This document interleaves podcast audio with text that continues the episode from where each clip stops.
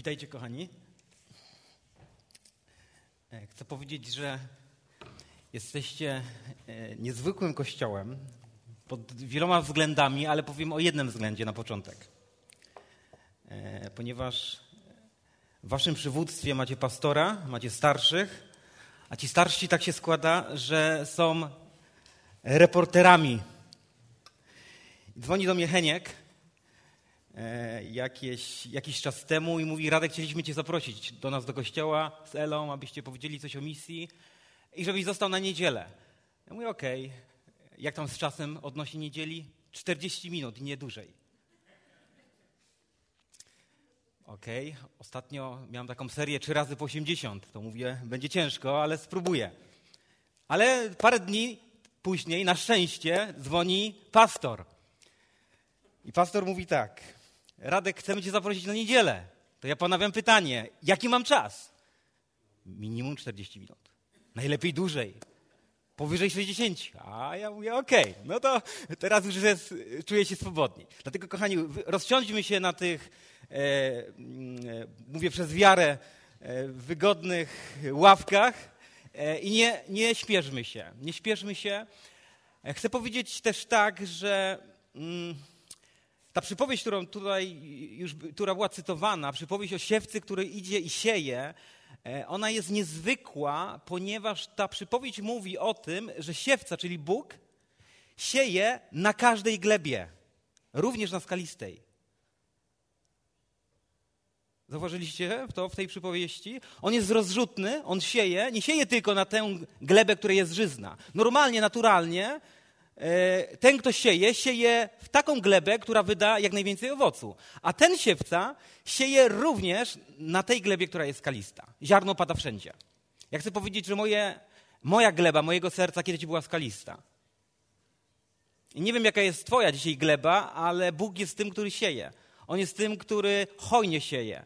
I w tych dwóch dniach poprzednich była tutaj taka osoba, nie wiem, czy ona tutaj jest z nami, podeszła do mnie i mówi, wiesz co, E, ja już dziś straciłem wiarę w Boga. Ale coś sprawiło, że tutaj przyszedłem. Jestem tutaj, chcę słuchać. Myślę sobie tak, i tak mu też powiedziałem, ale Bóg nie stracił wiary w ciebie. I On cały czas jest tym, który sieje. I to, że tutaj przyszedłeś na to spotkanie wczoraj i przedwczoraj, e, to też nie jest tak, że sobie przyszedłeś na to spotkanie, ale coś się wydarzyło w twoim serduchu, że na to wydarzenie przyszedłeś. Stąd fajnie byłoby, aby ten czas, który mamy teraz, aby był takim czasem dla nas, w którym niezależnie jaką mamy glebę naszego serducha, ale abyśmy pozwolili, aby Pan Bóg dotknął się tego serca e, i On ma moc, e, aby nasze frustracje, nasze niewiary, nasze upadki, nasze rozwałki, nasze twardości, nasze skorupy, aby je rozbijać, ożywiać, tak abyśmy byli tymi, którzy cieszą się Nim, cieszą się Bogiem i wydają dla Niego owoc chwały. Amen? Kochany Panie Boże, chcemy Ci dziękować za to, że jesteśmy w tym miejscu, e, w którym Ty jesteś gospodarzem, w którym Ty jesteś Panem, który Ty to miejsce w swojej obfitości błogosławisz. Dziękuję Ci, że e, tutaj do tego miejsca nas zgromadziłeś, właśnie w tym momencie, abyśmy mogli wsłuchać się w Twoje słowo i chcemy to słowo usłyszeć dzisiaj. O to słowo się zatroszczyć, o to słowo zadbać i na to słowo odpowiedzieć tak aby Boże, nasza gleba, naszego serca była taką glebą, która będzie przynosiła Tobie chwałę, przynosiła Tobie cześć. E, w imieniu Jezusa Chrystusa modlimy się o to. Amen. E, kochani, macie ze sobą Biblię? Tak, to jest ten kościół, który nosi Biblię. E, to dobrze. Bo czasem jest tak, że są Biblie, ale w komórkach, to wtedy nie, nie zrobilibyśmy tego takiego testu, jaki zrobimy teraz. Jeżeli macie ze sobą Biblię, warunek tego jest taki, że jeżeli masz Biblię i używasz jej przynajmniej 5 lat, e, to jest jedna, jedna rzecz, i jeżeli tę Biblię, którą używasz 5 lat, czytasz regularnie, to zapewne, jeżeli sobie tak tę Biblię tutaj przygotujesz, to zobaczysz, że na brzegach, że brzegi Twojej Biblii e, wyglądają tak, że jedna trzecia tych brzegów jest taka przybrudzona, otłuszczona przez opuszki Twoich palców tam często zaglądasz, a dwie trzecie są takie jakby trochę jaśniejsze. Macie tak? Bo u mnie tak jest. E, co to jest za granica? To jest granica Starego i Nowego Testamentu. E, to oznacza, że my e, do Nowego Testamentu zaglądamy po prostu częściej. W kontekście Starego Testamentu jest tak, że zapewne gdzieś w środku również będzie ciemny pasek. To oznacza, że to jest Księga Psalmów. E, w tej Biblii również, tej części Starego Testamentu, są brzegi całkowicie niemalże jasne. To oznacza, że tam bardzo rzadko zaglądamy. Czasami wcale. Na przykład taką księgą, która tutaj rysuje zazwyczaj taki bialeńki pasek, jest Księga Kapłańska, czyli trzecia Księga Mojżeszowa. Fantastyczna księga, chcę powiedzieć, chrystocentryczna, ale jednocześnie bardzo trudna, bardzo rzadko tam zaglądamy. I również są takie białe paski mm, przy takiej części Biblii, która e, nazywa się mm, proroctwami. Może do księgi Zajasza tam jeszcze zaglądamy, ale księga Ezechiela też jest zazwyczaj białym paskiem, ale również są prorocy mniejsi. I te księgi są bardzo króciutkie, tam są dwa, trzy, cztery rozdziały, stąd no nie może być tutaj pasku, bo jak taka cieniutka księga, dwie stronice, e, no to tego może nie zauważymy. Ja chcę dzisiaj, abyśmy e, otworzyli Biblię w takim miejscu, e, w którym zapewne bardzo rzadko Biblię otwieramy. I ta księga, którą, do której chciałbym was, was zaprosić, to jest księga Habakuka. Czyli nie podam wam strony, bo mamy teraz różne Biblie, stąd musicie znaleźć, ale generalnie tam przy końcu Starego Testamentu. E, I kochani, dlaczego Księga Habakuka? Ponieważ okazuje się, że Księga Habakuka, która powstała e, w jakimś VI wieku przed Chrystusem, ma aktualny przekaz, który dotyczy nas, chrześcijan i w ogóle ludzi, którzy żyją w XXI wieku. Ona ma dalej aktualny przekaz. I parę słów o tej księdze, parę słów o bohaterze tej księgi Habakuku, który żył na przełomie VI i VII wieku. I on prorokował po śmierci króla Jozjasza, o którym wiemy, że król Jozjasz był takim reformatorem Starego Testamentu. On był takim Marcinem Lutrem. Starego Przymierza. Wiecie, Marcin Luther przełożył Słowo Boże na język, który można było używać, Biblię można było czytać dzięki Marcinowi Lut, e, e, Lutrowi. Patrzę na żonę i żona jak kiwa głową, to znaczy, że mówię dobrze, to znaczy, że nie robię błędów gramatycznych. A jak kiwa w taki sposób, to wiem, że się pomyliłem i potem dopiero muszę jej zapytać, gdzie i kiedy. Natomiast, kochani, Jozjasz był takim Marcinem Lutrem ponieważ kiedy Jozjasz królował i za czasów króla Jozjasza odkryto w świątyni zwoje ze Słowem Bożym i kiedy Jozjasz dowiedział się, co w tych zwojach, co w tym słowie było zawarte, zapisane, on tak się tym przejął, że przeprowadził duchową reformację w kraju. On zarządził publiczne odczytywanie Słowa Bożego e, w całym Izraelu. On oczyścił świątynię, usunął kult bałwochwalczy, ustanowił Słowo Boże na tym miejscu, w jakim powinno być. To jest duchowy, starotestamentalny reformator. Jednak okazało się, że można zmienić ustawy, można zmienić e, prawo, można e, przymusić niejako ludzi do słuchania Słowa Bożego, do czytania Słowa Bożego, można usunąć kult bałwochwalczy, ale okazuje się, że to wcale nie musi zmienić serca człowieka. O tym mówi cała ta historia związana z Jozjaszem, ponieważ ta historia mówi, że ustawy nie mogą zmienić serca człowieka. Wszelkie zmiany, jakie my staramy się zrobić po ludzku, serce człowieka może zmienić tylko Bóg, serce człowieka może zmienić tylko Duch Święty. Ponieważ okazuje się, że kiedy król Jozjasz, który przeprowadził fantastyczną reformę w kraju, i faktycznie udało mu się za jego kadencji, że kult bałwochwalczy zniknął, że odczytywane było Słowo Boże, coś się wydarzyło w rzeczywistości duchowej, to jednak kiedy Jozjasz zginął, wszystko powróciło do tego, jak było. I tutaj mamy tło historyczne Księgi Habakuka. Ponieważ kiedy Jozjasz zginął, za jakiś czas pojawia się na scenie prorok Habakuk. I co możemy teraz z tej księgi wyciągnąć? E, z księgi Habakuka, która była napisana tak dawno, dawno, dawno, dawno temu. Co z tej księgi dzisiaj możemy wyciągnąć dla siebie, na nasze czasy? E, ja pozwolę sobie w waszym tutaj kościele rozpocząć cykl takich nauczań, prorocy mniejsi na czasy ostateczne. E, I dzisiaj to pierwsze proroctwo mniejsze proroka Habakuka. Pierwsza rzecz. Moi drodzy, imię Habakuk z języka hebrajskiego oznacza kogoś, kto kogoś, kto obejmuje, kogoś, kto e, kogoś ściska.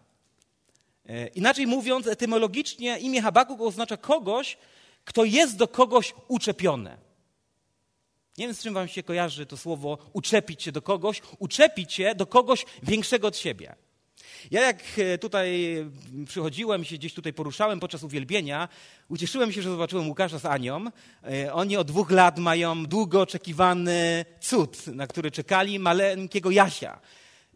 Pierwszy raz Jasia zobaczyłem, e, chociaż wiedziałem, że już istnieje tutaj na tej ziemi dwa lata, ale mogłem go zobaczyć, ukląknąłem, chciałem się z nim przywitać i co zrobił mały Jaś?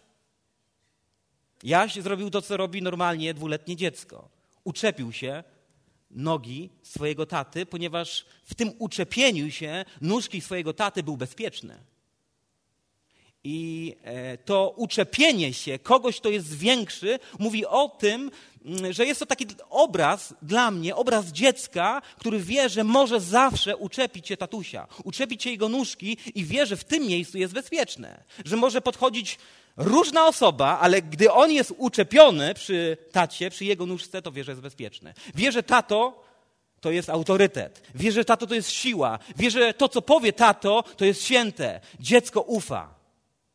O tym mówi to słowo. Być uczepiony do swojego rodzica, być uczepionym do kogoś, kto jest większy od nas. I chcę powiedzieć, że taki jest właśnie Habakuk. Habakuk jest prorokiem, jest człowiekiem uczepionym Boga. I to jest wezwanie dzisiaj dla nas. Wezwanie na czasy ostateczne. Jak przeżyć czasy ostateczne, czasy trudne, czasy, w którym na świecie wiemy o tym z innych proroc, które powiedział Pan Jezus, że będzie na świecie dokonywała się pewna rozwałka tego systemu, tego świata i że będzie trudno.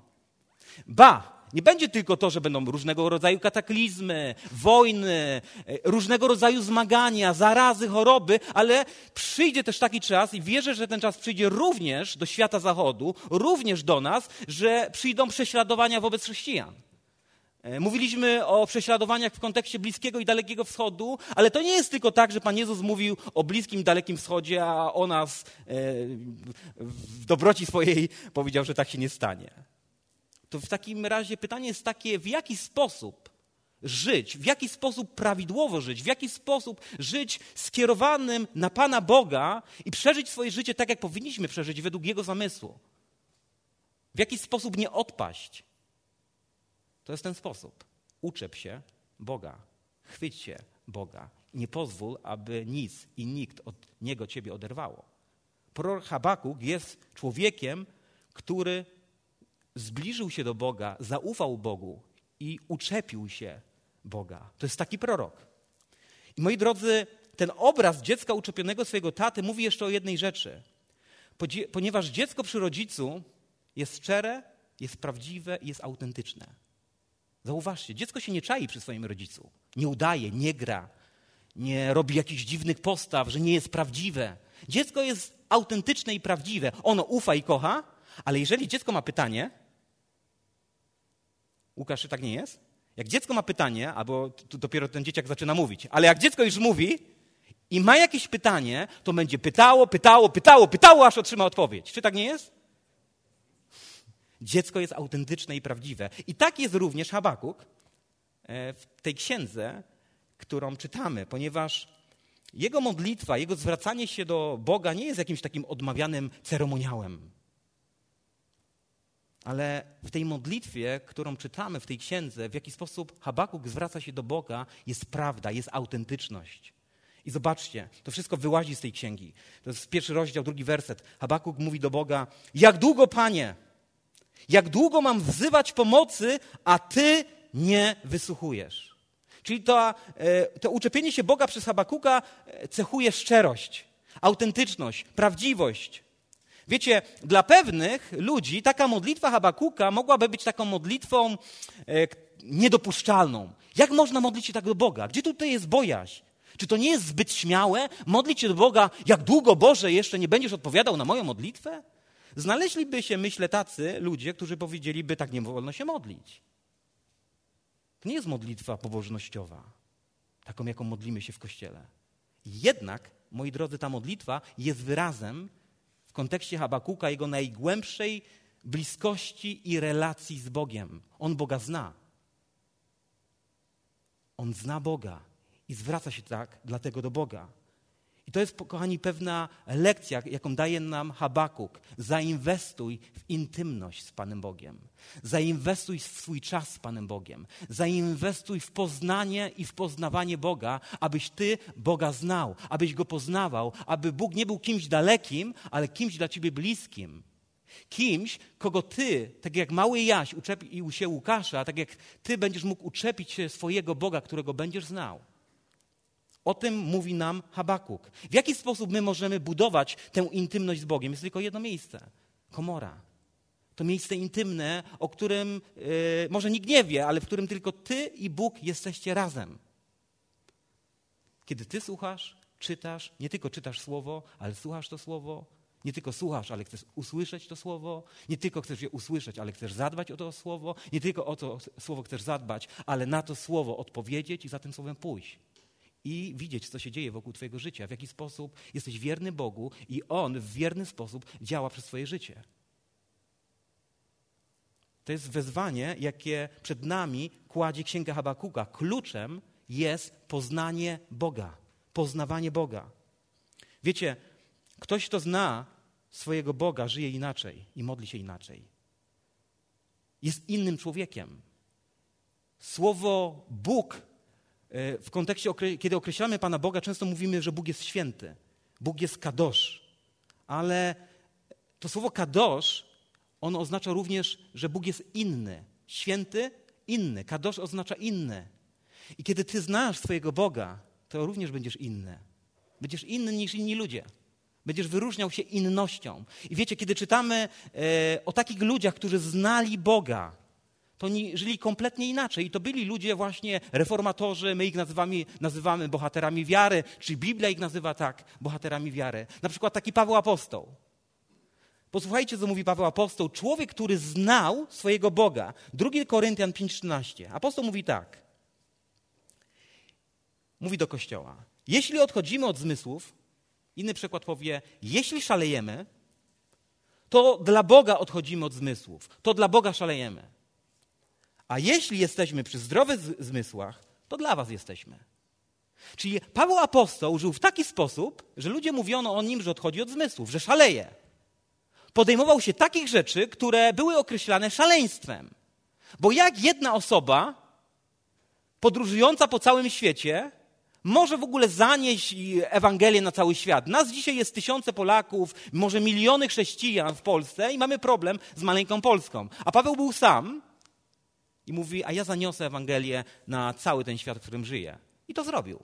Między innymi zaniósł Ewangelię do Europy. Dzięki jego posłannictwu i misji Ewangelia trafiła na nasz kontynent. To był człowiek, który znał swojego Boga i podejmował się szalonej misji. Podejmował się takich rzeczy, które niosły wpływ. Myślę sobie o tym, że tu jest pewnego rodzaju ukazana tajemnica, ponieważ kiedy my żyjemy takim życiem zwykłym, codziennym, no, potrzebujemy pracy, potrzebujemy pieniędzy, e, ktoś, kto jest sam, chce mieć żonę, dzieci. Pan Bóg jest dobry i będzie w tym nam błogosławił. Będziesz osobą zbawioną, chodzącą do kościoła co niedzielę, na małą grupkę, ale jeżeli będziesz poznawał swojego Boga e, i będziesz słyszał, że On cię wprowadza do rzeczy o wiele większych, bo mówiliśmy to wczoraj, Bóg nie jest Bogiem trochę mogącym, wiele mogącym, ale jest wszechmogącym, i swoją wszechmoc chce objawiać przez swoje dzieciaki, to jeżeli wejdziesz w taki rodzaj życia, że będziesz żył w sposób szalony dla Boga, to będziesz potrzebował szalonego błogosławieństwa. I w taki sposób Bóg będzie ci błogosławił. I to jest tajemnica Pawła Apostoła, to jest tajemnica takich ludzi, którzy gdzie się nie poruszają, to robią wielkie rzeczy, ale za tym stoi cena. Cena oddania ich życia w służbie Bogu. Ich życie nie jest związane tylko z zasiadywaniem w kościele w niedzielę, ale oni gotowi są na to, aby Bóg użył ich życia. Oni w taki sposób żyją i Bóg to robi. Dlatego, moi drodzy, tu jest tajemnica chrześcijaństwa, które ma moc. Chrześcijaństwa, które zmienia ten świat. Chrześcijaństwa, które jest aktywne, chrześcijaństwa, które jest śmiałe, chrześcijaństwa, które jest odważne, chrześcijaństwa, które staje na arenie tego świata i z odwagą i śmiałością mówi: Jezus Chrystus jest Panem. Pierwsza rzecz, pierwsza lekcja, moi kochani. Uczepmy się Boga, uczep się Boga, tak jak prorok Habakuk. Rzecz druga. Świat, w którym żyje e, prorok Habakuk, jest takim światem bardzo, ale to bardzo podobnym do naszego świata.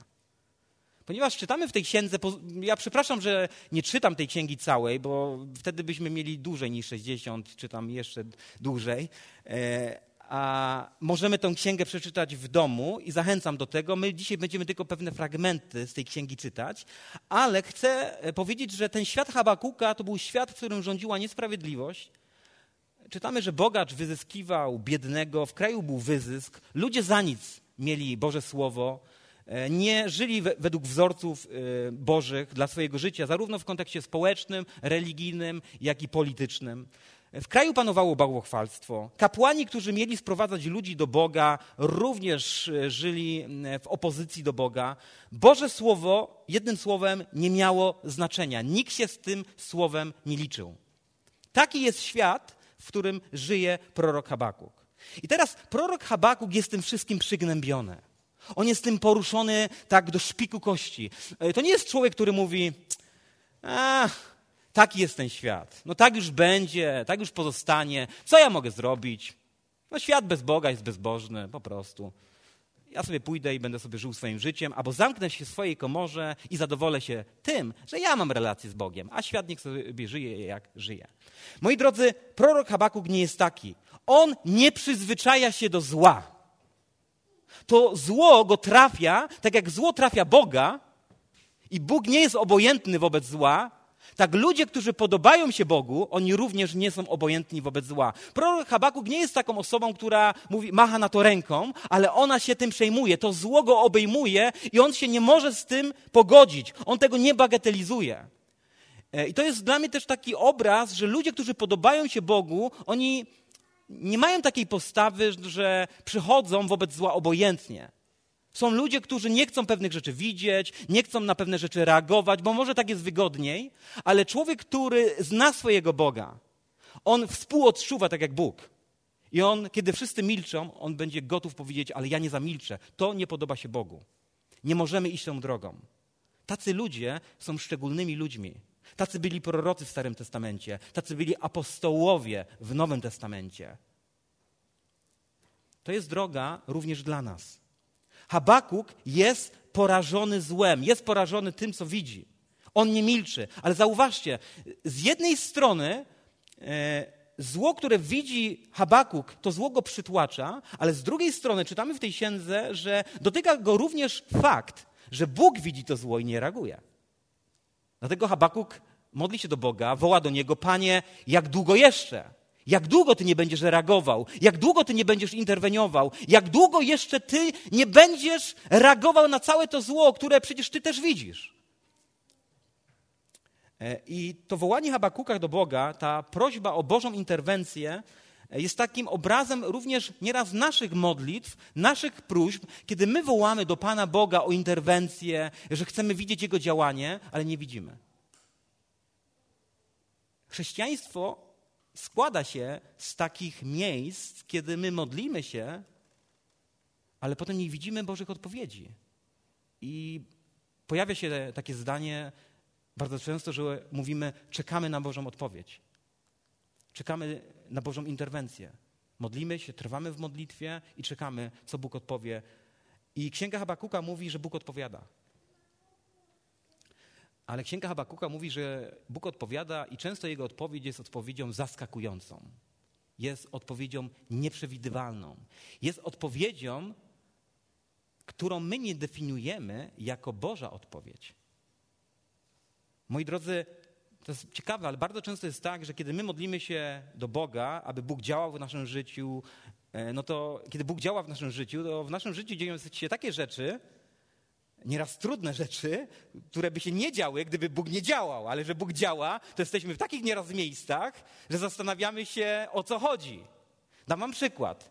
Myślę, że taką jedną z klasycznych modlitw, która generalnie występuje w różnych środowiskach, jest to, że Panie Boże, chcę być w centrum Twojej woli. Chcę, aby działa się Twoja wola dla mojego życia. Jest taka modlitwa? Słyszeliście? Chyba się tak modlimy, nie? Bardzo często. I zadaję sobie nieraz pytanie, czy kiedy się modlimy taką modlitwą, aby się działa wola Boża dla naszego życia, e, czy zastanawiamy się, czym jest wola Boża dla naszego życia. Nie mam tutaj teraz na myśli tak, żeby się zastanawiać, czy mam mieszkać w mieszkaniu, czy w chałupie, e, czy mam kupić sobie audicę, czy jakiś inny samochód. Nie mówię o tym.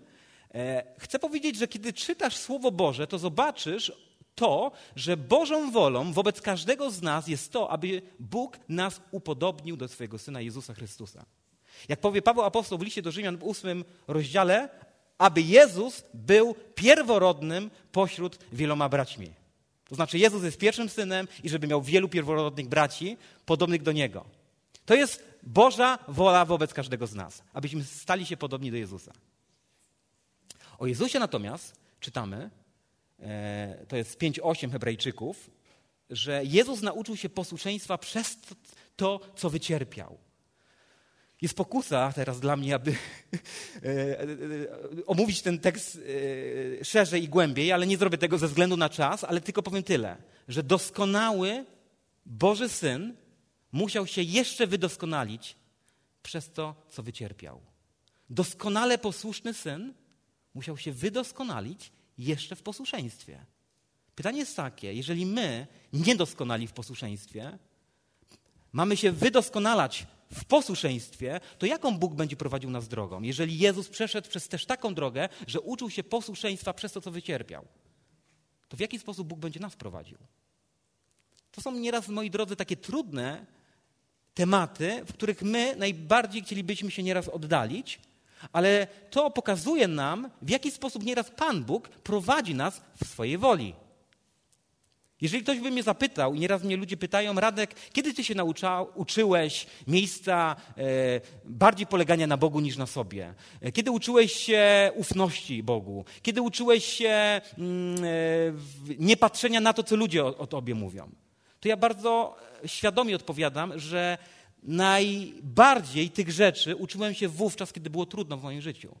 Wówczas, kiedy byłem oszukany, kiedy byłem okradziony, wówczas, kiedy ludzie mnie pomówili, mówili nieprawdę o mnie, wówczas, kiedy musiałem stawać przed ludźmi i posługiwać się takim językiem, głosząc Ewangelię, którego znałem tylko kilkadziesiąt słów, wówczas, kiedy stanąłem na polu minowym i nie wiedziałem, co dalej zrobić, aby z tego pola wyjść, wówczas, kiedy znalazłem się na terytorium państwa islamskiego, w tych miejscach w moim życiu, które były mówiąc delikatnie, niekomfortowe, uczyłem się polegania na Bogu. Uczyłem się wiary w Boga, uczyłem się ufności Bogu. Nie nauczyłbym się tych rzeczy, tych postaw, e, ta wiara czy ta ufność, którą Pan Bóg chce doskonalić w nas, ona by się nie wydoskonaliła w taki sposób, gdybym w tych miejscach się nie znalazł.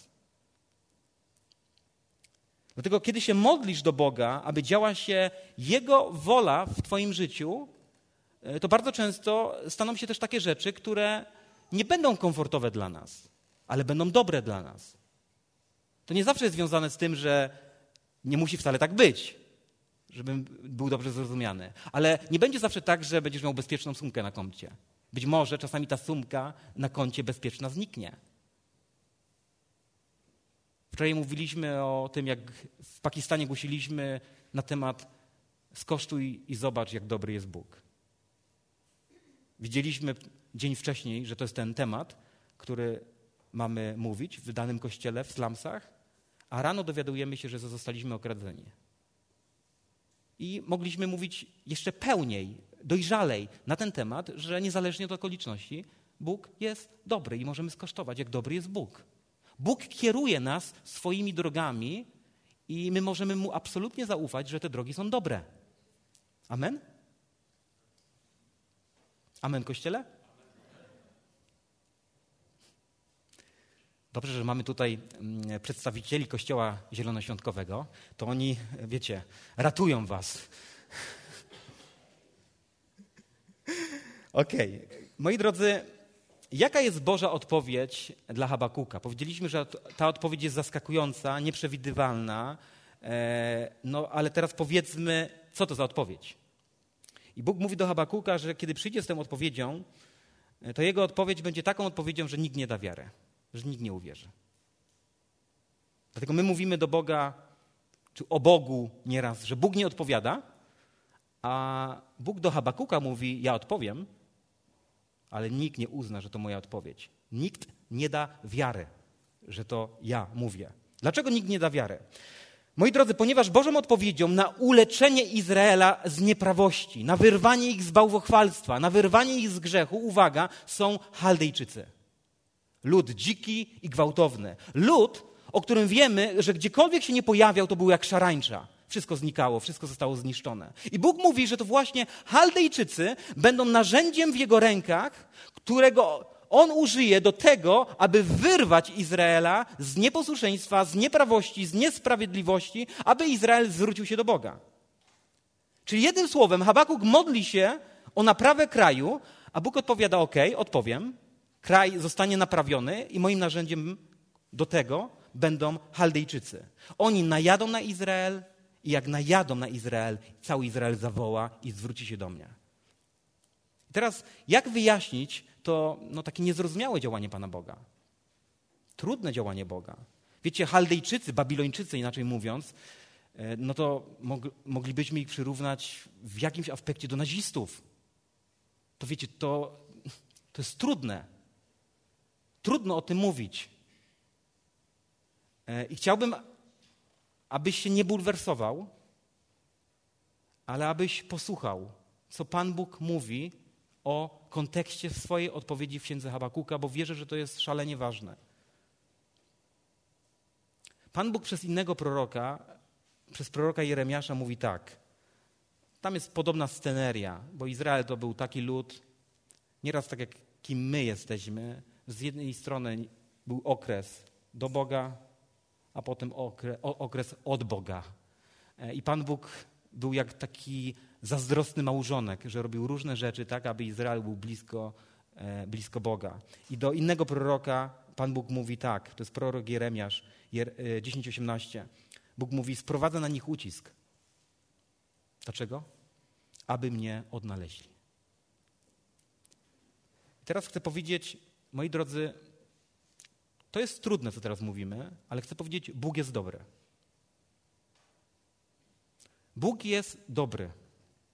Niezależnie od tego, czy my rozumiemy Boże działanie, czy my go absolutnie nie rozumiemy, nie jesteśmy w stanie go pojąć naszymi umysłami, to chcę powiedzieć, Bóg jest dobry.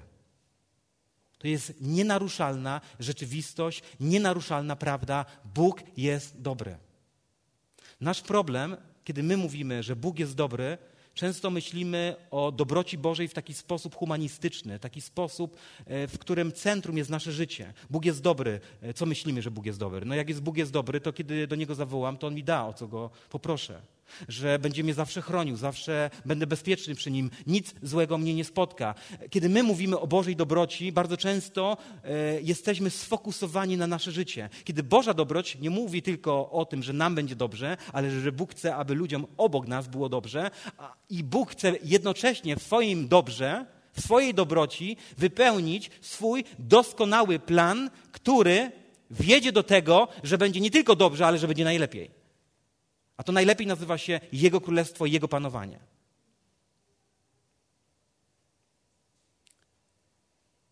Moi drodzy, Bóg jest dobry. W rzeczywistości biblijnej oznacza to to, że On będzie prowadził Twoje życie zawsze w doskonały i najlepszy sposób. Czyniąc dwie rzeczy: upodabniając Ciebie do Jego syna Jezusa, a z drugiej strony czyniąc dobro wokół Twojego życia w Tobie którego ty możesz dostrzegać, możesz go nie dostrzegać. Wierzę, że będąc i znając Boga, będziesz to dobro dostrzegał, ale też chcę przez Twoje dobro, które On będzie czynił w Tobie, że będzie dokonywało się dobro wokół ludzi, którzy Ciebie otaczają. Pozwolę to wyjaśnić na paru przykładach. Zobaczmy to e, na paru mm, bohaterach z Starego i Nowego Testamentu. Czym była Boża dobroć dla Abrahama? Dobroć w życiu Abrahama, Boża dobroć objawiła się w tym, że Bóg powiedział: wyjdziesz z swojego miejsca zamieszkania. Tam, gdzie jest ci komfortowo, tam, gdzie masz wielu przyjaciół. Wyjdziesz w nieznane. Nie wiesz gdzie. I gdzie go ta dobroć zaprowadziła? Zaprowadziła go też w takie miejsce, że przez długie, długie, długie, długie, długie, długie lata był bezdzietny. Wiecie, dla tamtej kultury nie mieć dzieci to jest dramat. Ale Bóg doprowadził go ostatecznie do miejsca takiego, że Abraham jest nazwany w Biblii ojcem wiary. Ojcem ludzi wierzących. Jeżeli dzisiaj wierzysz, jesteś według terminologii biblijnej synem Abrahamowym. To dokonała Boża dobroć w życiu Abrahama. W, czym objawiła się Boża dobroć w życiu Józefa? Objawiła się w tym, że Józef przynajmniej 13 lat spędził e, w więzieniu.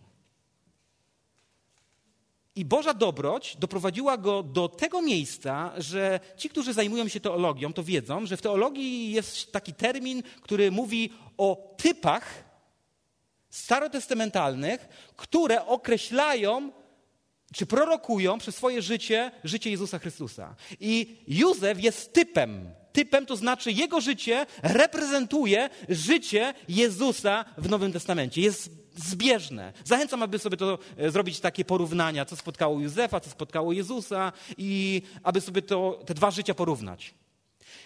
Józef jest jak Jezus Chrystus w Starym Testamencie. Jest jego zapowiedzią. I staje się tak podobny do Jezusa, ale nie tylko. Józef potem staje się drugą osobą obok faraona w Egipcie, i to Józef jest tą osobą, która nie tylko e, stała się dobroć w jego życiu, ale dzięki Józefowi jego bracia, jego ojciec, cały Izrael został zachowany, przeżył, a przez to zachowana została linia rodowodowa na przyjście Jezusa Chrystusa. Czyli życie Jezusa miało wpływ na moje i na Twoje życie. Oto dobroć Boża. Czym się objawiła dobroć Boża w życiu Mojżesza?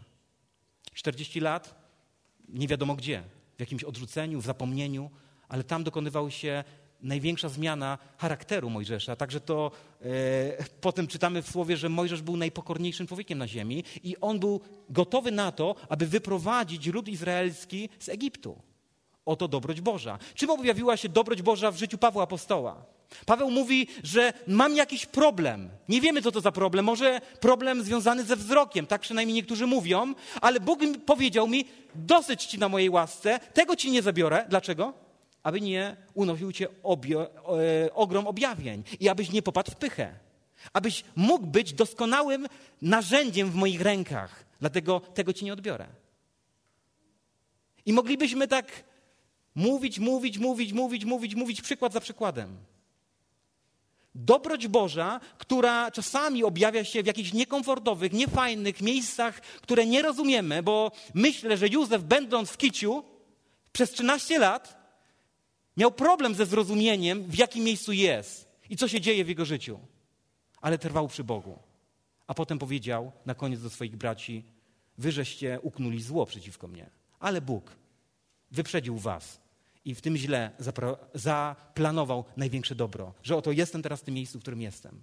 I teraz jestem ocaleniem dla was, dla mojego ojca i dla całego Izraela. Czasami pewne rzeczy dopiero dostrzeżemy po Bożym procesie. Nie oceniajmy tego, co Bóg czyni w naszym życiu, kiedy jest jeszcze proces tych rzeczy.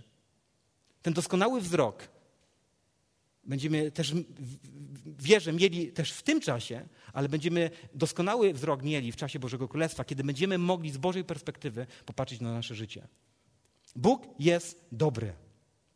I chcę powiedzieć, że kiedy mamy e, niepowierzchowne, e, niepłytkie spojrzenie na Jego dobroć i kiedy pozwolimy Mu na to, aby On objawiał nam swoją dobroć, kiedy zaangażujemy się w to, abyśmy w Jego Słowie odszukiwali, czym jest Jego dobroć, to będziemy mogli więcej widzieć, więcej rozumieć i będziemy mogli być bardziej dojrzali.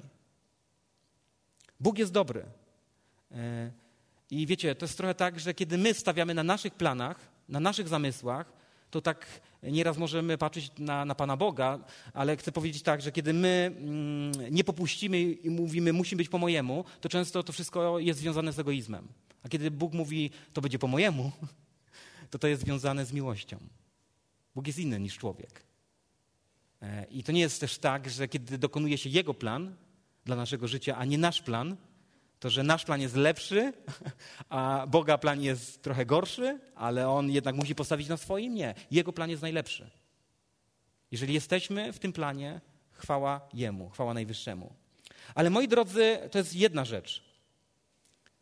E, Bóg jest dobry, niezależnie co ciebie w życiu spotka, kiedy jesteś przy Bogu, wiedz, że Bóg jest dobry. Ale Księga Habakuka mówi też o drugiej rzeczy, że Bóg jest suwerenny. Dobry i suwerenny. Co to oznacza, że Bóg jest suwerenny? Chcę zrobić mały wstęp. Kiedy mówimy o Bożej suwerenności, może nam się wydawać, że to taka teologia, która ma mało wspólnego z życiem. Ja chcę powiedzieć, że mi prawda o tym, że Bóg jest suwerenny, kiedy przechodziłem w pewnym okresie swojego życia przez naprawdę trudny i dramatyczny czas, pozwoliła mi prawda, przerobiona teologiczna prawda o Bożej suwerenności, zachować postawę ufności, wiary, tak że przez ten trudny czas mogłem przejść z wyprostowaną postawą patrzeniu na Boga. Czyli jednym słowem chcę powiedzieć, e, ta teologiczna prawda, że Bóg jest suwerenny, jest jednocześnie bardzo praktyczną prawdą, ba, chcę powiedzieć, że jest to dobra nowina. Za chwilkę to udowodnię. Moi drodzy, Bóg jest suwerenny, to oznacza to to, że ma całkowitą władzę i panowanie nad tym światem. Ma całkowitą władzę i kontrolę nad Twoją i nad moją historią. A Ty, jeżeli jesteś w Bogu, jesteś w Jego ręku i jesteś bezpieczny. I zobaczcie, e, w kontekście całej tej historii związanej z księgą Habakuka, z najazdem Chaldejczyków na Izrael, jak spojrzeć w kontekście suwerenności Bożej na tą historię. E, chcę powiedzieć tak, Bóg nie był odpowiedzialny za to, że Chaldejczycy byli ludem okrutnym, dzikim, gwałtownym, jak szarańcza najeżdżali, zabijali i niszczyli. Odpowiedzialnym za to, że tacy byli Chaldejczycy, byli Chaldejczycy, ponieważ oni wybrali drogę życia bez Boga, życia w grzechu, życia w buncie i życia w mordzie. Chaldejczycy byli takimi ludźmi, oni wybrali taką drogę. Ale pomimo tego, kim byli Chaldejczycy, pomimo tego, że był to naród dziki, gwałtowny, niszczący, to i tak doprowadzili do czegoś dobrego to i tak Pan Bóg, mając panowanie nad, swoją, nad historią, on użył Chaldejczyków, że przez Chaldejczyków Izraelici zostali oczyszczeni z bałwochwalstwa, z niesprawiedliwości, z buntu i zawołali zwrócili się do Boga. Czyli jednym słowem chcę powiedzieć, że Pan Bóg, nie łamiąc wolnej woli człowieka, nie łamiąc wolności, którą On nam dał, co w przypadku Chaldejczyków związane było z tym, że byli ludźmi okrutnymi, jednak Pan Bóg nie traci pomimo tego kontroli i władzy nad tym światem. On w tym wszystkim czyni i dokonuje swoich planów i swoich zamysłów. I teraz prawda, moi drodzy, o Bożej suwerenności mówi o tym, że niezależnie co nas w życiu spotka, może nas spotkać obiektywne zło. Ale prawda o tym, że Bóg jest suwerenny, mówi o tym, że Bóg może przez to obiektywne zło, które nas spotkało, sprawić, że to obiektywne zło poprowadzi nas do takiego miejsca, że będziemy mogli powiedzieć, że jesteśmy w obiektywnym dobru. Że Bóg doprowadził nas do takiego miejsca. Inaczej mówiąc, zło nie ma takiej władzy, aby mogło wymknąć się spod Bożej władzy. Ponieważ Bóg jest wszechmogący. I żeby było nam może to łatwiej zrozumieć, to widzimy to w krzyżu Jezusa Chrystusa. Ponieważ Krzyż Jezusa mówi o tym, że Jezusa spotkało zło.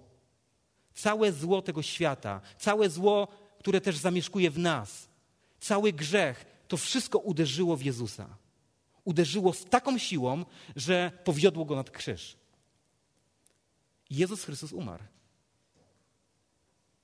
Ale Boża suwerenność i Boża władza mówi o tym, że w dniu śmierci Jezusa Chrystusa na krzyżu dokonał się największy cud cud zbawienia człowieka, który został przypieczętowany trzy dni później, kiedy Jezus Chrystus zmartwychwstał. Czyli Pan Bóg użył tego zła, które było wymierzone w Jego Syna, Jezusa Chrystusa, aby dokonać największego cudu, który dzisiaj, z którego dzisiaj możemy korzystać my.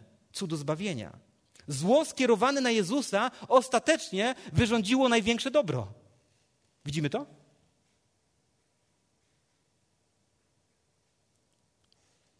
Kochani, Prawda o tym, że Bóg jest suwerenny, dlatego jest dobrą nowiną.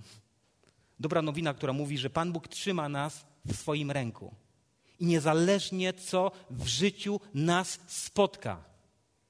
Ja chcę powiedzieć dzisiaj, aby to wybrzmiało, kiedy jesteś przy Bogu, wiedz, że jesteś bezpieczny. Mały obrazek, nie mam tego w notatkach, może to być ważne. Bliski Wschód.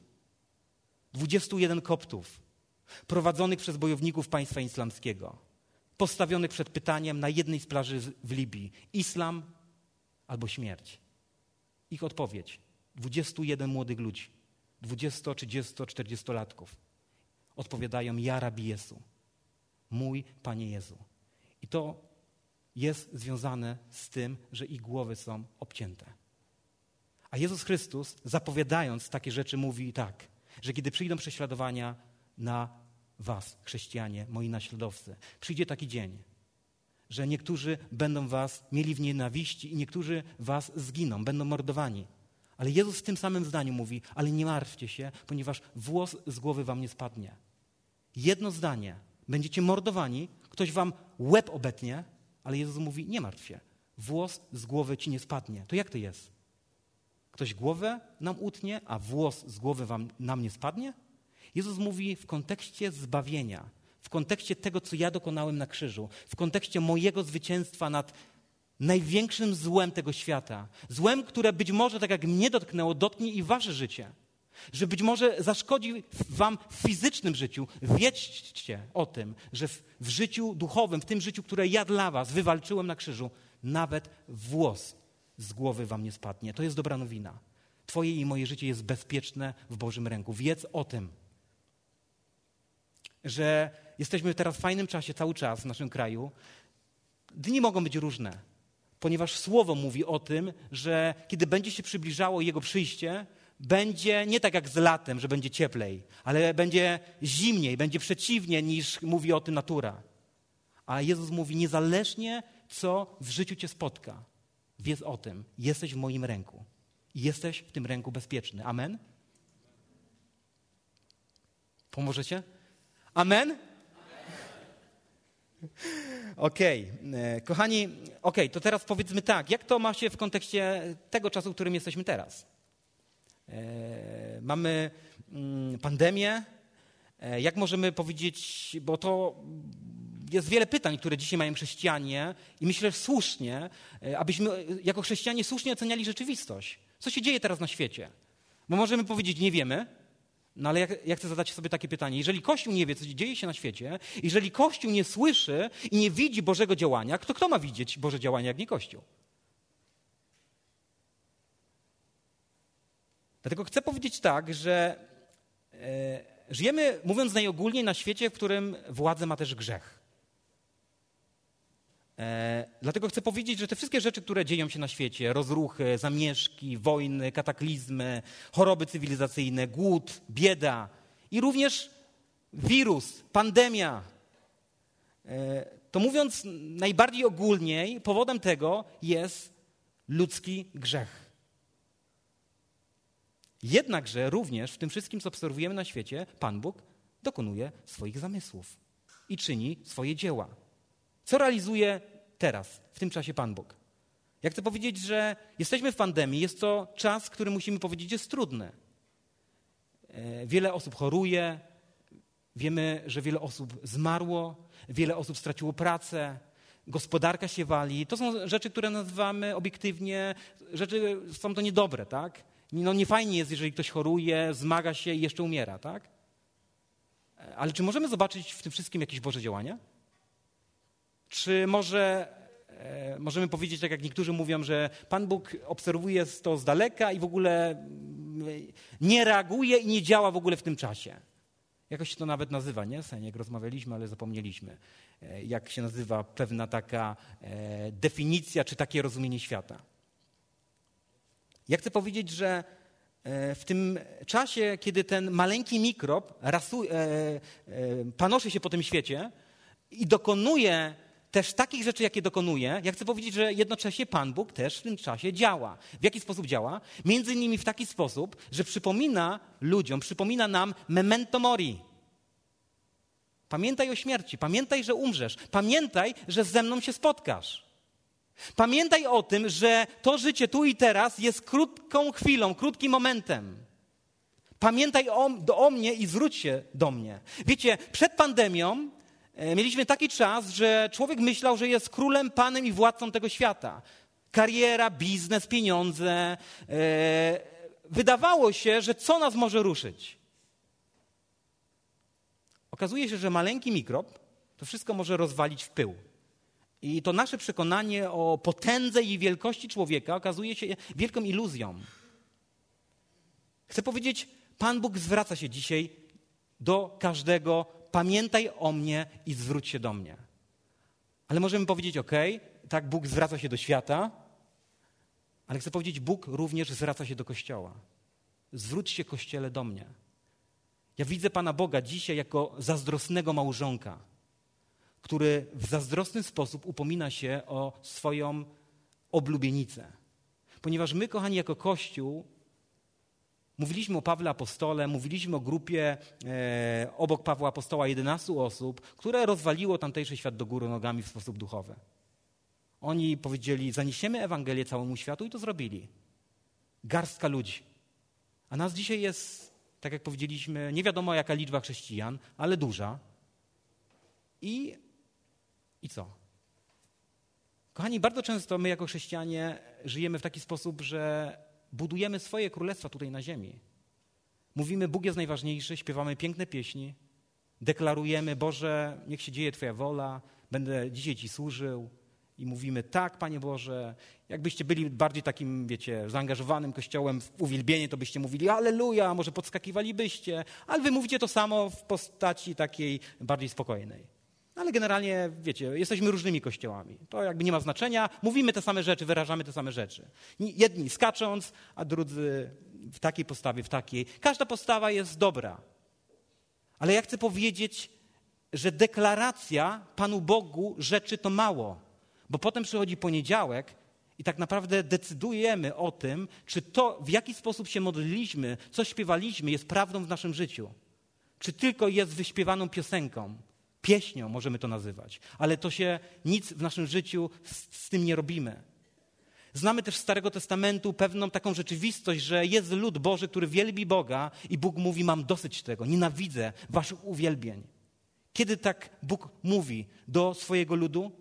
kiedy lud jedno deklaruje, a w drugi sposób żyje.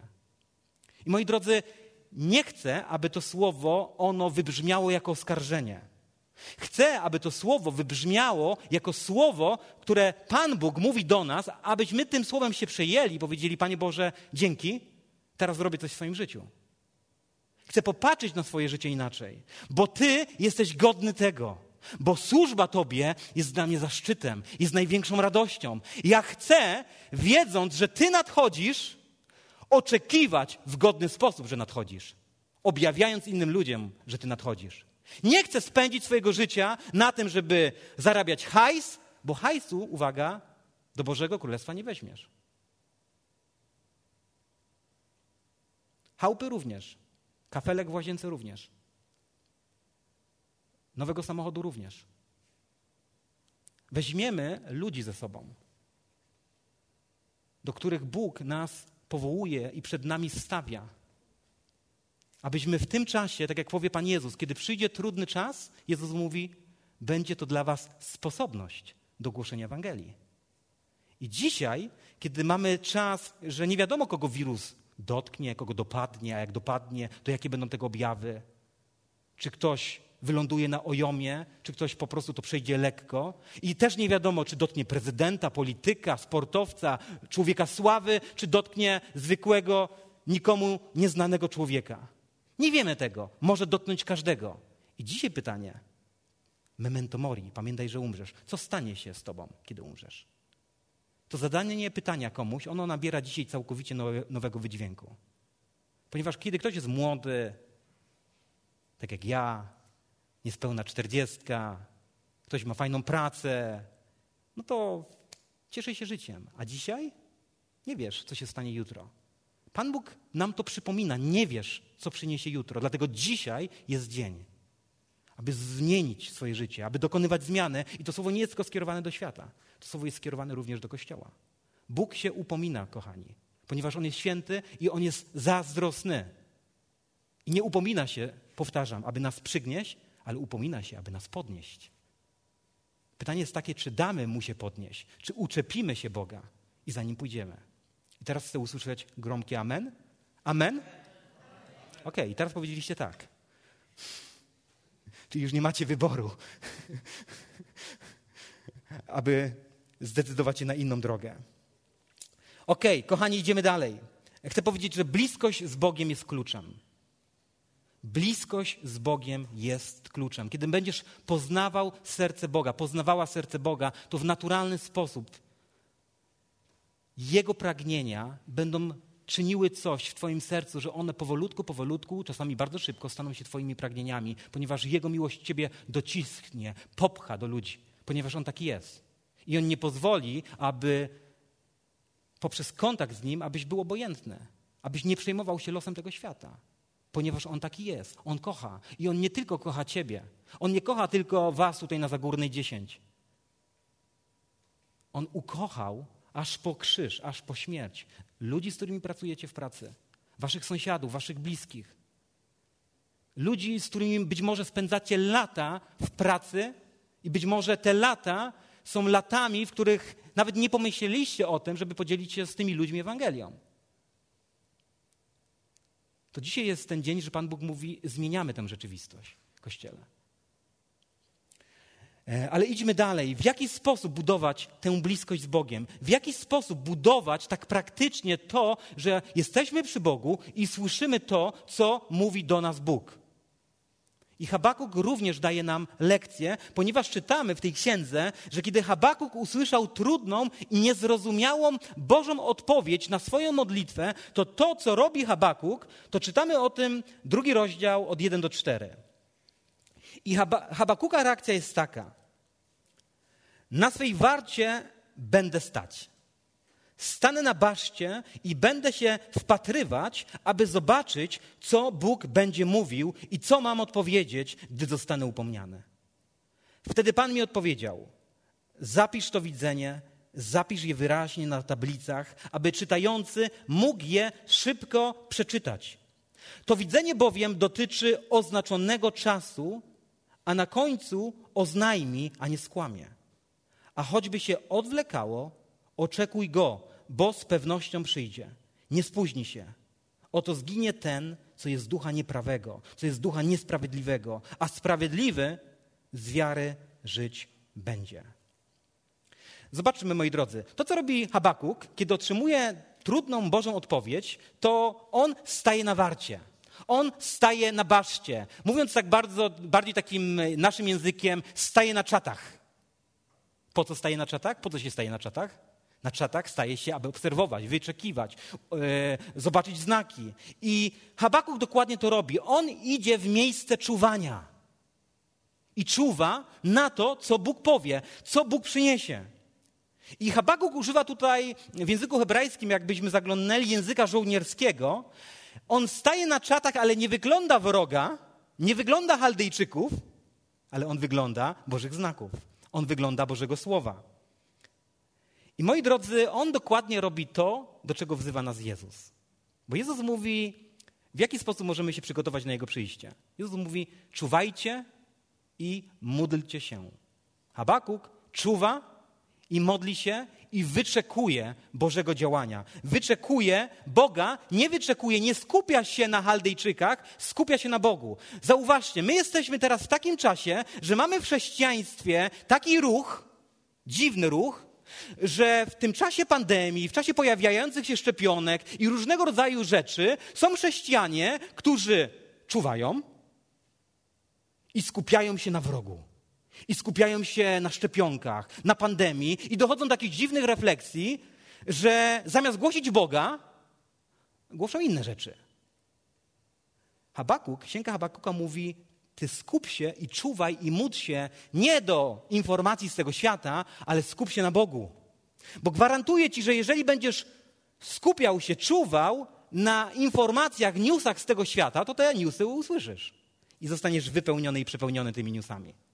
Ale jeżeli będziesz czuwał i wyczekiwał na Boże Słowo, to gwarantuję ci, to Słowo Boże do swojego życia usłyszysz. Pytanie jest, gdzie będzie obiekt Twojego czuwania? Na czym będziesz się skupiał? Gdzie będziesz czuwał? I Habakuk mówi, że on czuwa i kieruje swój wzrok nie na wroga, nie na Chaldejczyków, ale na Boga. I moi drodzy, Ta księga mówi, że Bóg jest tym, który odpowiada. Jest Bogiem odpowiadającym temu, kto Boga szuka. Czy wierzymy w to, że Bóg mówi? Czy może wierzymy, że Bóg powiedział w swojej księdze słowo, a dzisiaj jest Bogiem niemym? Czy jednak wierzymy to, że Bóg mówi? Tutaj w tym słowie jest doskonała prawda w kontekście naszego zbawienia. Taki amen. Ale czy Bóg może kierować do nas jakieś słowo, mówić coś do nas? Wiecie, to jest trochę tak, e, może nam posłużyć i pomóc pewien obraz, że Bóg przedstawia się w Biblii jako oblubieniec, a nas przedstawia jako oblubienica. Kiedy Pan Bóg sprawił, że stałem się oblubieńcem, a moja Ela, siedząca tutaj naprzeciwko mnie, stała się moją oblubienicą, stało się to szybko i nagle, niespodziewanie dla nas, to to, co się również stało, to to, żeśmy nie milczeli między sobą. Więcej, byliśmy oddzieleni wieloma kilometrami. Ja w Iraku, ona tymczasowo w Ugandzie, potem w Polsce i żeśmy byli na słuchawce. Rozmawialiśmy. Nie wystarczyło nam tylko e, słyszeć swoje słowo, chcieliśmy widzieć swoje twarze. Ponieważ naturalnie, naturalną rzeczą jest, że kiedy oblubieniec spotyka swoją oblubienicę, to chce komunikować. Oboje chcą komunikować, rozmawiać. My żeśmy doszli do takiego miejsca, że jesteśmy oblubienicą, Bóg jest oblubieńcem i my mówimy, komunikujemy do Boga, do Boga, modlimy się. No ale okej, okay, to jest super. Ale czy jesteśmy gotowi na to, aby też usłyszeć, co oblubieniec mówi do nas? Czy tylko mówimy, że my możemy mówić do Boga, a Pan Bóg już powiedział i teraz nic nie może powiedzieć? Dziwna teologia nieraz w kościele. Bóg chce z nami komunikować jako oblubieniec, jako ktoś, kto jest w tobie zakochany i chce, abyś ty był w nim rozkochany. I abyś go słyszał. W jaki sposób możesz go słyszeć? Habakuk podpowiada. Trzeba iść na czaty. Trzeba iść w miejsce czuwania. Trzeba się zaangażować, oddzielić od Chaldejczyków, oddzielić od tych wszystkich newsów, które chcą zagłuszyć Jego słowo i skupić się w miejscu czuwania, w swojej komorze. Ty i On na Jego słowo. I Habakuka księga mówi, a wtedy usłyszysz. I chcę powiedzieć, że kiedy jesteś w takim miejscu, to też jest tak, że kiedy Pan Bóg mówi, to nie zawsze mówi i przychodzi do nas z lekkim powiewem wiatru, mówiąc do nas: Kocham Cię, i tylko słyszysz to słowo: Kocham Cię, kocham Cię. To miejsce czuwania, kiedy my jesteśmy w czuwaniu i w oczekiwaniu i na czatach, to być może usłyszymy słowo Chaldejczycy. To słowo jest już takie trudniejsze, ale ono jest również wyrazem miłości. Dlatego Pan Bóg chce nas mieć przy sobie, abyśmy rozpoznawali Jego działanie. I chcę powiedzieć, abym był dobrze zrozumiany. Chaldejczycy to nie oznacza to, że teraz jesteśmy w miejscu takim, że wchodzimy w fatalizm. To znaczy, jesteśmy chrześcijanami w buddyzmie, jest coś takiego jak fatalizm. To znaczy, przyjmowanie tego wszystkiego, co spotyka nas w świecie. Ja nie mogę nic zmienić w tym świecie. Pan Bóg ma nad wszystkim kontrolę. Są Chaldejczycy, nie ma Chaldejczyków, a ja sobie będę żył jak chcę. Nie. Nie o tym mówię. Kiedy byli Chaldejczycy, co zrobił Izrael? Izrael nie powiedział, OK, Chaldejczycy, przyjmujemy to jako wolę Bożą, niech nas biją. Nie. Izrael zaczął wołać do Boga. Izrael zbliżył się do Boga. To, co Bóg chciał, aby się stało przez Chaldejczyków. I co? I Chaldejczycy zostali w pewnym momencie osądzeni. Chaldejczycy się skończy, skończyło się to dzieło chaldejskie w Izraelu. Dlatego Bóg mówi: wołaj do mnie. Też nie przyjmuj rzeczywistości tak, że e, jesteś teraz w jakiejś fatalistycznej rzeczywistości, że nie możesz zrobić nic. Biblia naucza nas inaczej. Zaangażuj się w relację z Bogiem. I dam wam, kochani, pewien przykład. Przykład w kontekście e, e, pewnych rzeczy trudnych, pewnych rzeczy też związanych z tu i teraz, z naszą rzeczywistością. W jaki sposób możemy dostrzec coś dobrego w kontekście tym, w jakim teraz jesteśmy, w kontekście pandemii i w kontekście tego wszystkiego, co się dzieje teraz na świecie. Jeden przykład z Legnicy. Skąd pochodzę? E, jakiś czas temu poznałem Tomka. Tomek, który jest dwa i pół razy taki jak ja, e, albo nawet trzy. Tomek, który, jak to powiedział, zajmował się pewną ciemną, żył w pewnej ciemnej strefie. e, którą określił między innymi, e, w której panowało prawo pięści. I żył tym i dobrze mu się powodziło, zarabiał, e, doszedł do fajnego standardu życia i przyszła pandemia. I to wszystko musiał zastopować. I stało się tak, że Tomek poznał kogoś od nas z kościoła. I stało się tak, że Tomek przyszedł do naszego kościoła nie sam, przyszedł z pewną dziewuchą, jego sąsiadką, która okazało się, że przez kontakty z okultyzmem, z wróżbiarstwem była opętana i została uwolniona. Skracam wszystko, ale Tomek widział to uwolnienie.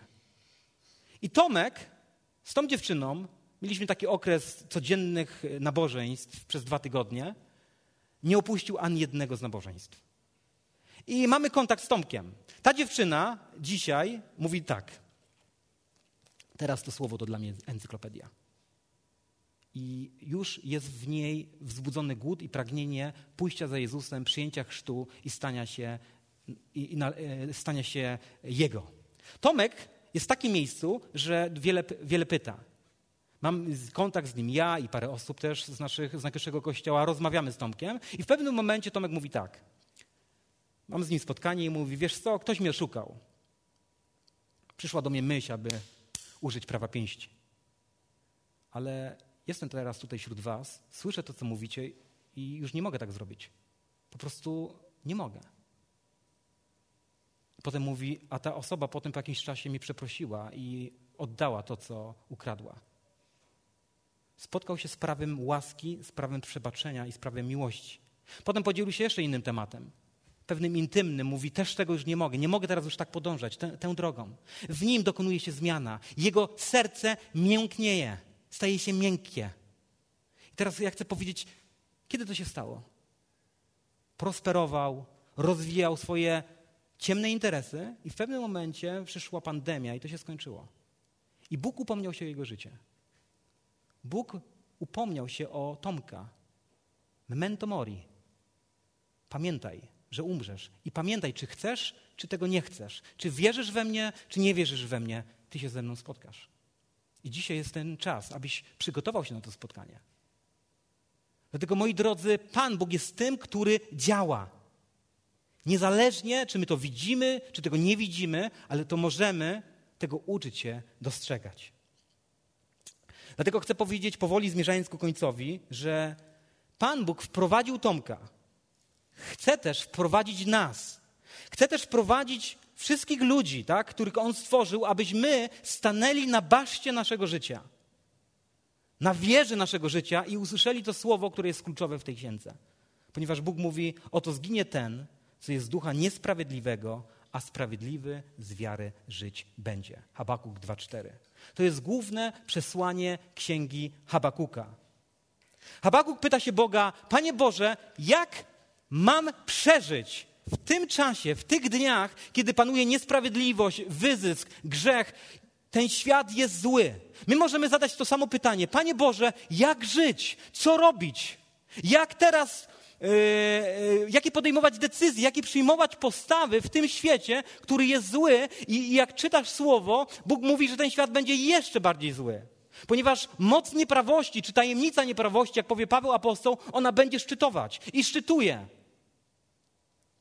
I Bóg odpowiada, w jaki sposób powinieneś żyć. Zaufaj. Zaufaj mi. Przybliż się do mnie, ponieważ sprawiedliwy z wiary żyć będzie. I Habakuk dostał polecenie, aby tę prawdę, aby to słowo zapisać na tablicach kamiennych. On nie miał zapisać tego na zwojach, tak jak się zapisywało na zwojach, bo zwój możesz, czy kartkę papieru wziąć, podpalić i, i koniec. E, to miało być zapisane na tablicach kamiennych na materiale trwałym. Dlaczego? Pan Bóg mówi e, do Habakuka, ponieważ to widzenie, to słowo, które dostajesz, że sprawiedliwy z wiary żyć będzie, a niesprawiedliwy zginie, to to słowo dotyczy oznaczonego czasu. Bóg mówi, to słowo może się odwlekać, ale kiedy będzie się odwlekało, ty tego słowa oczekuj. Ponieważ kiedy Bóg daje nam obietnicę, kiedy Bóg daje nam swoje słowo, to nie zawsze jest tak, że to słowo od tak się wypełni. Pan Bóg mówi, nie będzie tak. To się będzie odwlekało. Na to będzie trzeba było poczekać, ale wiedz, Bądź pewny, że to słowo się spełni. I teraz, moi drodzy, datuje się księgę Habakuka na rok 607, 608 przed Chrystusem, że Habakuk usłyszał te słowa e, w tym roku. Ale do momentu, kiedy Chaldejczycy najechali na Jerozolimę, zniszczyli Jerozolimę i uprowadzili Izrael, minęło jakieś niespełna 30 lat. Dla nas to jest całe pokolenie. Dla Pana Boga ułamek sekundy. To słowo, że sprawiedliwy z wiary żyć będzie, które zapowiadało sprawiedliwość, którą przyniesie Jezus Chrystus. Bo dopiero w Jezusie możemy powiedzieć, sprawiedliwy z wiary żyć będzie, sięgając po Jego sprawiedliwość. Od słów Habakuka, kiedy to powiedział, do przyjścia Jezusa minęło 600 lat. Dlatego Bóg mówi, to co powiedziałem, może się odwlekać. Może będzie tak, że będziesz musiał na to poczekać, ale wiedz, że to, co ja mówię, to się stanie. To się wypełni. To będzie tak i amen. Dlatego ufaj, dlatego czuwaj i dlatego módl się. Dlatego, dlaczego o tym mówię? Ponieważ jesteśmy w rzeczywistości, w której powtarzamy jako Kościół od dwóch tysięcy lat Maranata. Pan Jezus przychodzi. I możemy powiedzieć, to się odwleka. Nieprawdaż? Dwa tysiące lat i jeszcze nie przyszedł. Bóg mówi: Moje obietnice, one są pewne, tak i amen. To, co mówię, to się stanie. To może się odwlekać. Na to może będzie trzeba czekać, ale wiedz, że to się stanie. I moi drodzy, przyjście Jezusa jest pewne. Ale to przyjście jest związane, że Jezus przyjdzie jako zbawiciel dla jednych, a dla drugich przyjdzie jako sędzia. I kiedy czytamy to słowo, to prorok Habakuk mówi, że człowiek niesprawiedliwy i pyszny, taki człowiek zginie. Człowiek sprawiedliwy z wiary żyć będzie. O co chodzi w tym słowie? Moi drodzy, w tym tekście jest zawarta cała esencja Ewangelii. Ponieważ paręset lat później apostoł Paweł w liście do Rzymian już nie będę tego listu y, piątego rozdziału czytał, ale go streszczę. Paweł mówi tak: Nie ma ani jednego sprawiedliwego. Wszyscy zgrzeszyli. I wszyscy muszą zamilknąć i uznać to, że są winni przed Bogiem. I każdy musi uznać, że swoimi staraniami nie jest w stanie wejść w miejsce sprawiedliwości przed Bogiem. Uczynki na nic się nie zdadzą. I Paweł mówi, że jest tylko jeden uczynek, aby stać się uniewinniony, aby stać się sprawiedliwy. To jest ten uczynek, który dokonał Jezus Chrystus na krzyżu. I Paweł mówi, że wszyscy zgrzeszyli i każdemu brak jest chwały Bożej. Dlatego każdy z nas, każdy człowiek ma tę jedną palącą potrzebę i ta paląca potrzeba nazywa się Jezus Chrystus. O tym mówi Księga Habakuka. To jest posłannictwo Księgi Habakuka, która okazuje się trudną księgą głoszącą Ewangelię. I to jest posłannictwo również e, Jezusa Chrystusa. Cały świat, moi drodzy, jest pogrążony w niesprawiedliwości. Ale Bóg mówi, moja odpowiedź na to to są Chaldejczycy. To było kiedyś. A dzisiaj Bóg mówi, moją odpowiedzią na to będzie moje przyjście i będzie również przyjście Jego gniewu, Bożego gniewu. I Pan Bóg mówi, że Jego gniew dotknie wszystko to, co jest niesprawiedliwe, wszystko to, co jest grzeszne, wszystko to, co jest nieprawe, ponieważ On jest święty i On jest sprawiedliwy. I to, co grzeszne i niesprawiedliwe, kiedy spotyka się ze sprawiedliwością, nie może się ostać, spłonie. Dlatego to, co robi Bóg, posyła swojego Syna, aby poprzez wiarę każdy, kto uzna Jezusa Panem i Zbawicielem, mógł zostać przykryty sprawiedliwością Jezusa. I teraz Słowo Boże mówi, że każdy stanie przed Bogiem. Sprawiedliwy? Z wiary żyć będzie. Co z niesprawiedliwym? Kochani, to jest trochę tak, że człowiek może być pełny Jezusa, a może być napompowany samym sobą. I osoba, która jest pełna Jezusa, Słowo Boże mówi, sprawiedliwy z wiary żyć będzie. Słowo Boże mówi o Bożym Królestwie. Natomiast kiedy jesteś napompowany samym sobą, napompowany swoimi uczynkami, napompowany swoją sprawiedliwością, możesz być jak balon kolorowy, piękny, możesz unosić się ku górze, możesz być podziwiany. Balony czasami są piękne, podziwiane, ale kiedy przyjdzie Boży gniew, kiedy przyjdzie Boży sąd, Kochani, o tym mówi Słowo Boże. Niesprawiedliwy, Słowo Boże mówi, zginie. Niesprawiedliwy to, z czym spotka się, kiedy przyjdzie Bóg w sądzie sprawiedliwym. Spotka go potępienie. Dlatego przyszedł Jezus na ziemię. Dlatego jesteśmy wezwani, kochani, abyśmy głosili Ewangelię. Wyrazem miłości do Boga i wyrazem miłości do człowieka jest mówienie Ewangelii w prawdzie. Bóg kocha. I Bóg w swojej miłości ratuje ludzi przed Jego gniewem.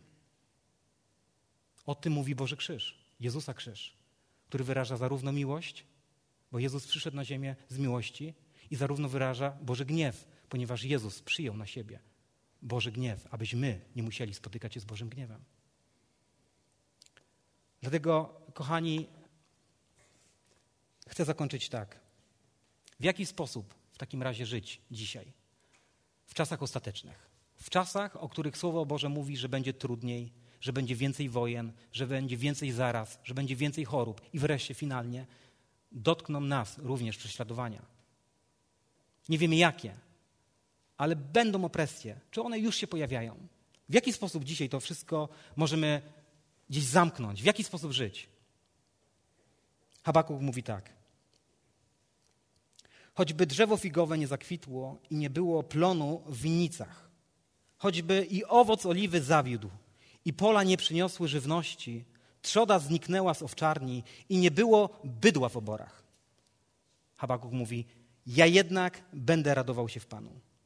Rozraduję się w Bogu mojego zbawienia. Pan Bóg jest moją siłą i uczyni moje nogi jak nogi łań i sprawi, że będę chodził po wyżynach. Habaku, który nie patrzy na okoliczności. Habaku, który patrzy na Boga. I wreszcie Habaku, który nie modli się, Boże, bądź moją siłą, albo Boże, pomóż mi. Habaku, który modli się, Boże, Ty jesteś moją siłą. Habakuk nie modli się o to, co Bóg już dał. My nieraz jako chrześcijanie skupiamy się na to, że prosimy Boga o to, co On już dokonał w Jezusie dla nas poprzez krzyż i poprzez Golgotę. Bóg mówi, to już się stało faktem. Zachęcam do takiej rodzaju modlitwy. Nie musisz modlić się, Boże, bądź moją siłą, a możesz powiedzieć, Boże, Ty jesteś moją siłą. To jest całkowicie inna tożsamość. Tożsamość, która wystarczy. Dlaczego? Ponieważ sprawiedliwy z wiary żyć będzie. Amen?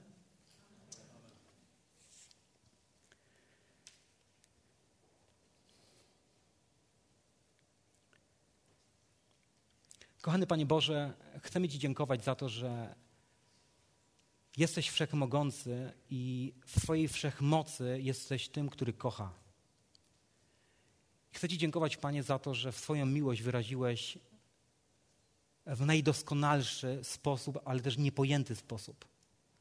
Chcemy Ci dzisiaj dziękować za to, że Jezus przyszedł, aby nas uratować, aby nas wyrwać z naszej niesprawiedliwości, aby wyrwać nas z tego miejsca, z którego my sami nie mogliśmy wyjść, z naszego poplątania. Dziękuję Ci, że dzisiaj nieustannie to czynisz, że wyrywasz, szukasz tego, co zaginęło. I dziękuję Ci, że możemy być w tym miejscu jako ci, którzy zostali przez Ciebie odnalezieni. I chcę Ci, Jezu, dziękować za to, że możemy być bezpieczni w Bożym ręku. Że możemy mówić, Boże, jesteś dobry. Że możemy mówić, Boże, jesteś suwerenny. Że wiemy, że jesteśmy w doskonałym Twoim planie i wiemy, dokąd zmierzamy i oczekujemy Twojego przyjścia. Dlatego chcemy dzisiaj modlić się Maranata, Jezu, Panie, przyjdź. Ale dzisiaj Jezu chce modlić się o to, aby Twój Kościół żył tę rzeczywistością Maranata, rzeczywistością Twojego przyjścia. Abyśmy byli tymi, którzy, Panie, nie tylko wyczekują Ciebie w niedzielę na naszych nabożeństwach, nie tylko modlą się, nie tylko śpiewają Ci pieśni, ale modlę się o to, abyśmy byli gotowi, aby Tobie służyć i abyśmy uznali, Panie, niesienie Ewangelii ludziom jako przywilej, jako zaszczyt, jako radość, jako ten aspekt wyczekiwania Ciebie.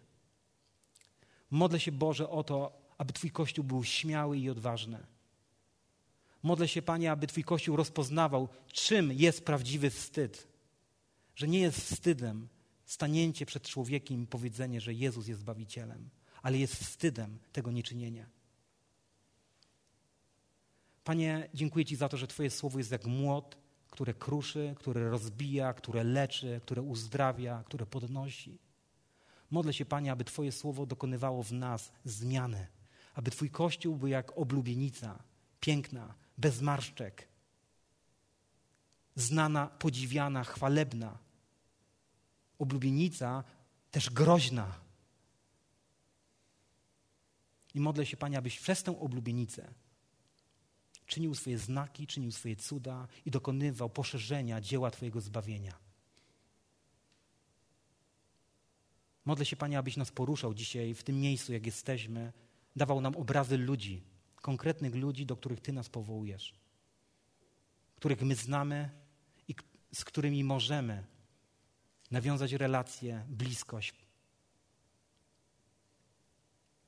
I w tym oznaczonym przez Ciebie czasie abyśmy mogli dzielić się z nimi, Panie, Ewangelią. Tak jak Ty podzieliłeś się z nami Twoją Ewangelią. Amen.